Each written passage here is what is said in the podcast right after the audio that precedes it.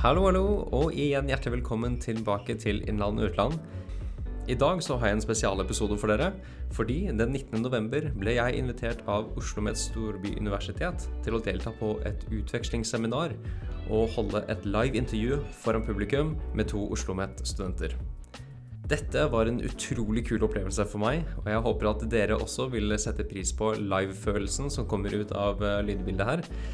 Dette var en skikkelig kul mulighet, så tusen hjertelig takk til alle dere som lytter og støtter denne podkasten. Eh, jeg hadde ikke fått denne muligheten eh, hvis det ikke var for dere. Men før det blir for klissete med masse takk og bukk, så tenker jeg at eh, vi kan bare hoppe rett til utvekslingsseminaret, der dere vil møte Ingunn Håberg, som under sin bachelor i utviklingsstudier dro til Hyderabad i India og Jonas Løvaas, som tok turen til Sør-Afrika mens han studerte grunnskolelærerutdanning. La oss begynne. Eh, innland og utland det er en podkast som dekker alt av praktisk og ikke-praktisk informasjon om utenlandsreiser. Dennis eh, Høyer Hoel han har eh, laget starta denne podkasten, og han er her i dag. Og han skal snakke med to studenter som begge, studerer, som begge studerer på LUI. Eh, der Ingunn Håberg har vært i India, og Jonas Løvaas han, han, har vært i Sør-Afrika, og han skal til Buenos Aires nå på vårsemesteret. Jeg spurte Dennis av alle stedene du har dratt hvor er det mest minneverdige stedet? Og da svarte han at det var første utreise fra eh, altså praksis. Første gang han var på praksis i utlandet. Eh, han har studert her på administrasjon og ledelse, og da dro han til Amsterdam. Og det sa han at det la grunnlaget for hvem han er i dag. Så tenk litt på det også når dere reiser. At det er fint å ta med seg. Velkommen til dere.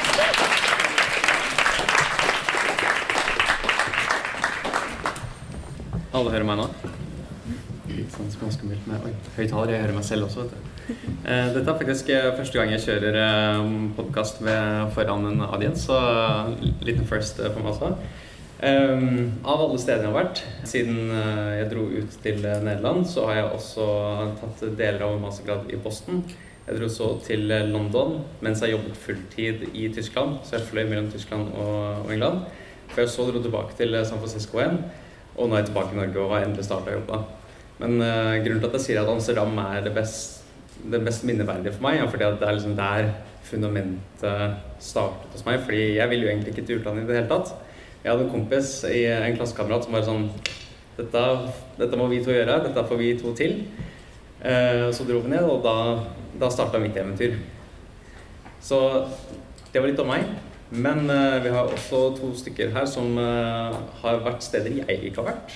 Jonas, du kan kanskje starte med å fortelle hva er det som inspirerte deg til å dra ut først? Uh, ja.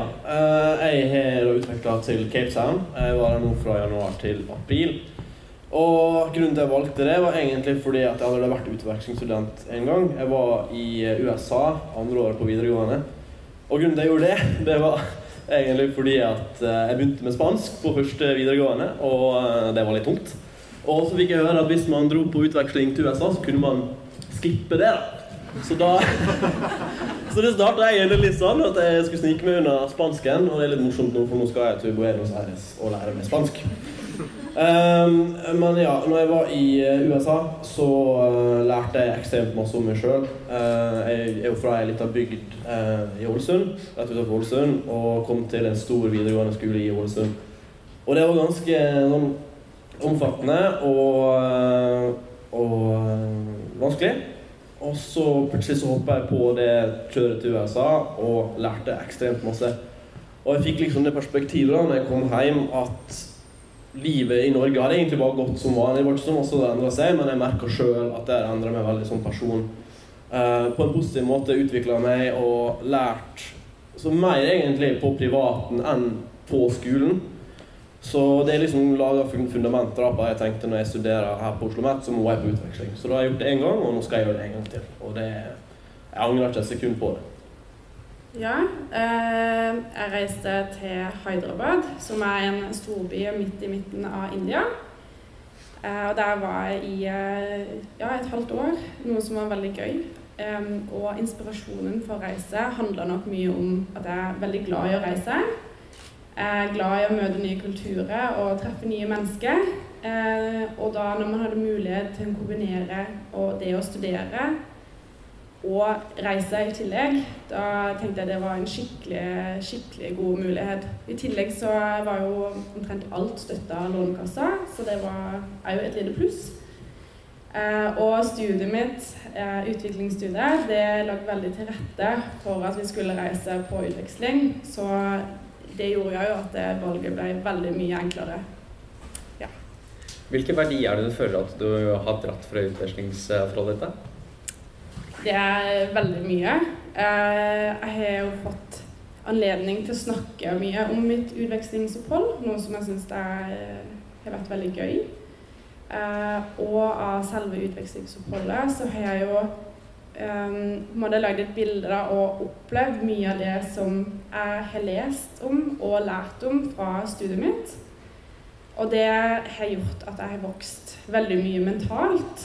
Uh, og har jo ført til at det var det jeg valgte å skrive bacheloroppgaven min om. Og jeg nå har akkurat kommet tilbake igjen fra India etter et feltarbeid eh, for masteroppgaven min, som jeg sitter og skriver nå. Så ja, jeg syns det var gull verdt. Og det er jo noe eget man kan eh, sette på CV-en sin og vise til framtidig arbeidsgiver. Noe som er, ja, er virkelig gull verdt. Mm. Det er uh, utrolig mye man kan uh, trekke tilbake til Norge etter sånne utvekslingsforhold. Ikke bare det faglige, men utrolig mye vekst på det personlige plan. Eh, ikke bare ser det fint ut på CV-en, men måten du klarer å demonstrere de ferdighetene sånn i, i, eh, i virkelige situasjoner, i ekte interaksjoner med andre, eh, kan faktisk være noe av det som eh, står mellom deg og en jobb. Eh, og et eksempel som trekker fram, er faktisk mitt eget. Eh, jeg, startet, jeg fikk en jobb her i Oslo i Jeg starta 1.10. Og en sentral del av det som ga et positivt inntrykk av meg, var eh, en eh, situasjon jeg hadde i et eh, teamarbeid hvor det var mye konflikter. Så var det den konflikthåndteringen som jeg utførte da. Dette var i, i London. Da jeg fortalte den historien, og han som intervjuet meg, var veldig sånn happy for å høre det og kunne identifisere seg selv med det også. Så da, da bonda vi litt, litt på det. Men den konflikthåndteringen hadde ikke jeg hatt et grunnlag for å håndtere på den måten hvis jeg ikke hadde vært i Nederland, litt i USA før, hvor jeg har hatt interaksjoner med mennesker fra den kulturen. Eh, så det var bare kjempestort eh, pluss i boka for min del. Kom kjempegodt med. Eh, hva slags verdi er det du har dratt med? Jeg var jo i, på praksisutveksling i Cape Town, og det var litt spesielt, for da var vi i, i en township litt utafor, typ en og en halv time unna. Og det å gå fra å undervise i norsk skole med alle ressursene tilgjengelig, til å plutselig være i klasserom der det er 42 grader, det er ingen, uh, ingen internett, det er ingen strøm, det er 40 elever i klasserommet, 45 elever i klasserommet, og du må stå der og på en måte Du må uh, du må hente litt andre ting da, enn det du må gjøre hjemme.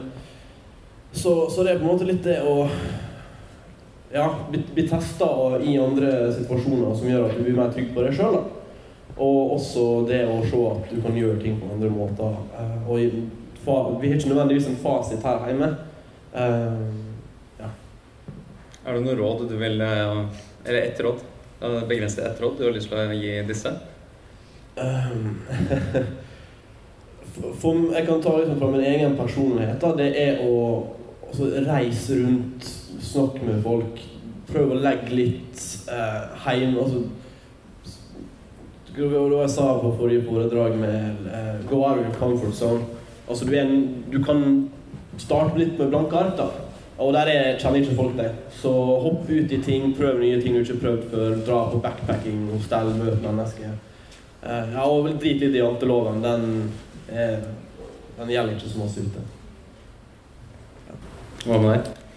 Det er jo mye av det samme, eh, men jeg syns det er veldig viktig å huske på å være litt sånn open-minded og åpen til sinns. Fordi eh, du vil oppfordre oppleve både positive og kanskje litt negative utfordringer. Og da tenker jeg hvis du er open-minded, så er det lettere å håndtere deg, da.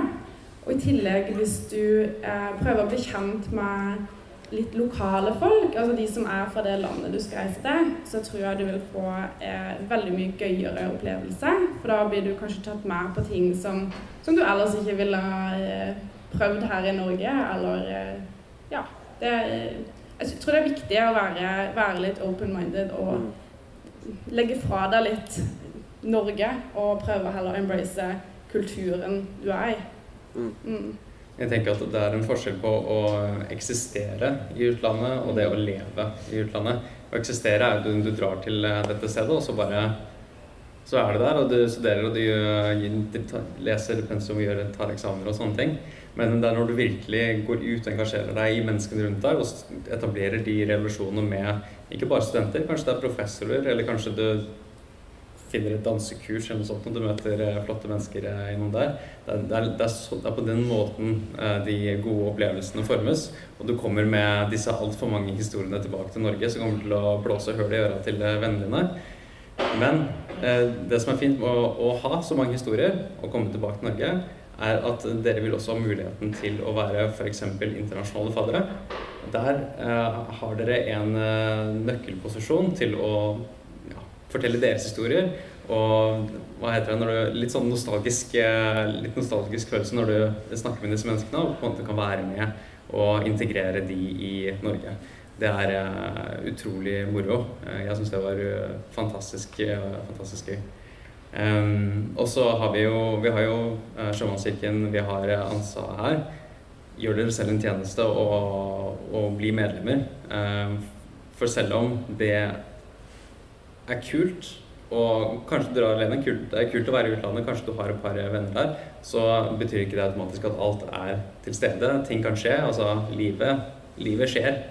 Eh, Det er ikke bare problemfritt. Eh, Så da er det godt å kunne ha det støtteapparatet. Det er godt å kunne ha, dra på julebord og spise vaffel og, eh, og vite, at, vite at du har det bra. Jeg tenkte vi kunne ta et, et siste spørsmål før vi runder av. Husker dere et, et kultursjokk dere opplevde? Uh, ja. Og hvordan håndterte dere det? Um, for å gå meg forklare historien bak. da. Eh, jeg bodde jo med en vertsfamilie i da, en township i Sør-Afrika. For dere som ikke vet hva township er, så kan det sammenlignes litt med favela. Uh, veldig fattig og uh, veldig annerledes enn kanskje Cape Town sentrum. Uh, ja. Så var det da vertsfaren min spurte om jeg ville være med på en, et ritual. da, fordi onkelen han hadde dødd for ikke så lenge siden. Og så at han hatt en drøm om at onkelen trengte hjelp til å komme til forfedrene. Og da måtte de slakte ei ku eh, for, å, eh, for å hjelpe da onkelen til forfedrene. Og han spurte om jeg ville være med på det. Eh, og det sa jeg at det her er jo kjempeinteressant. Eh, de andre utvekslingsstudentene valgte ikke å bli med på det. Eh, men jeg er jo, faren min er jo bonde. Eh, han er jo egentlig lastebilsjåfør, men han er utdanna bonde, så, så vi har jo sånn, ser en liten gård eh, i sånn miniskala. Eh, men jeg har aldri vært med på noen sånn type greier. Eh, men jeg tenkte det her må jeg være med på, så vi sto opp klokka fire på morgenen og dro da til det her som var det bare en bakgård midt i eh, townshipen. Det var liksom bare grus, det var ingenting av på en måte, skal jeg si, sanitære forhold. da. Uh, og den kua da ligger der, og f- vi måtte slakte den før sola gikk opp. Og så måtte maten, hele kua spises før sola hadde gått ned.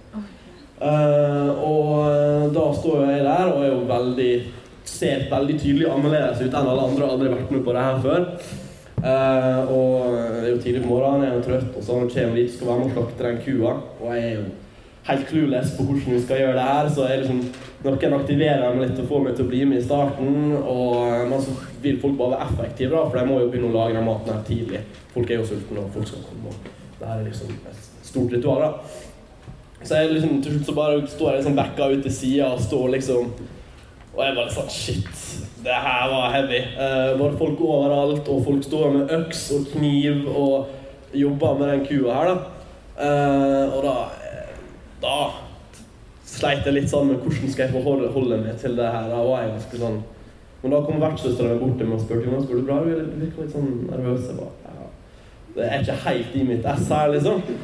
Uh, men så fikk jeg bare kobla meg på noen folk, og plutselig fikk jeg tilbud om å spise rå lever. Og fikk masse kjøtt, og det var kjempekoselig, og det var kjempedigg. Og det var, det var bare en veldig fin dag. Uh, og folk ble veldig opptatt av å fortelle til meg hvorfor de gjorde det her, og at jeg skulle ta med en historie videre.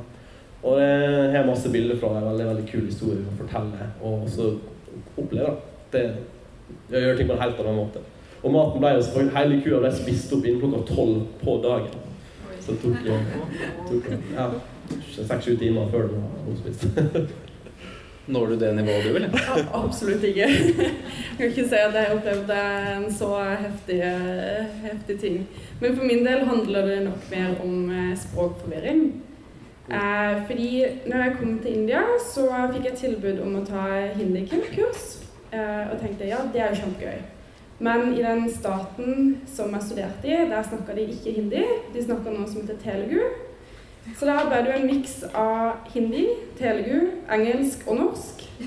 Og i tillegg så har jo inderen den fantastiske nikken med hodet og altså andre ansiktsuttrykk som er ganske vanskelig å tyde med en gang du kommer der til.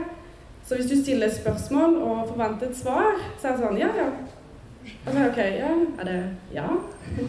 Nei? Er det greit at jeg gjør det? Mm. Ja.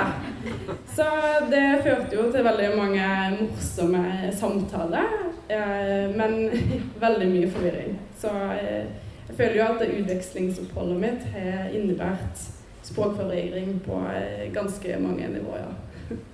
Den, den, føler jeg også litt på. Ja.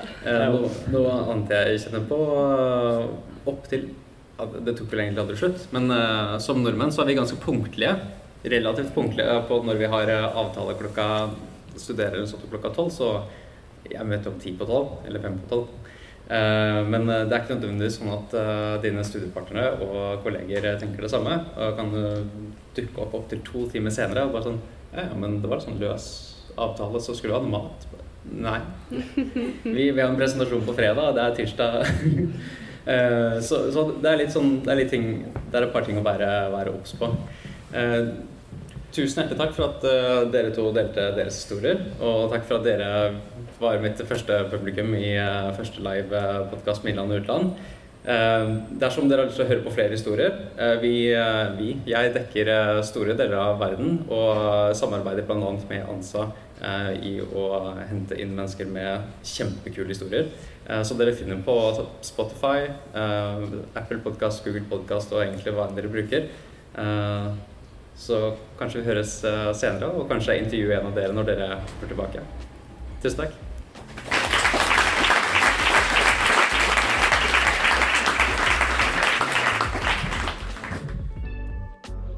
Som jeg sa i introen, så er det sjukt moro, og jeg er så glad for å få muligheten til å snakke med så mye bra folk i ulike settinger. Tusen takk, Oslo OsloMet, for invitasjonen. Takk til publikum, og som alltid, takk til dere som lytter. Husk at dersom dere kjenner noen med en kul historie fra utlandet, så vil jeg veldig gjerne intervjue dem. Og dersom du ser etter eh, litt spesifikk informasjon om eh, bestemte land rundt om i verden, så vil jeg anbefale dere å ta en titt på ANSA sine nettsider. Nyt resten av dagen deres. Vi prates.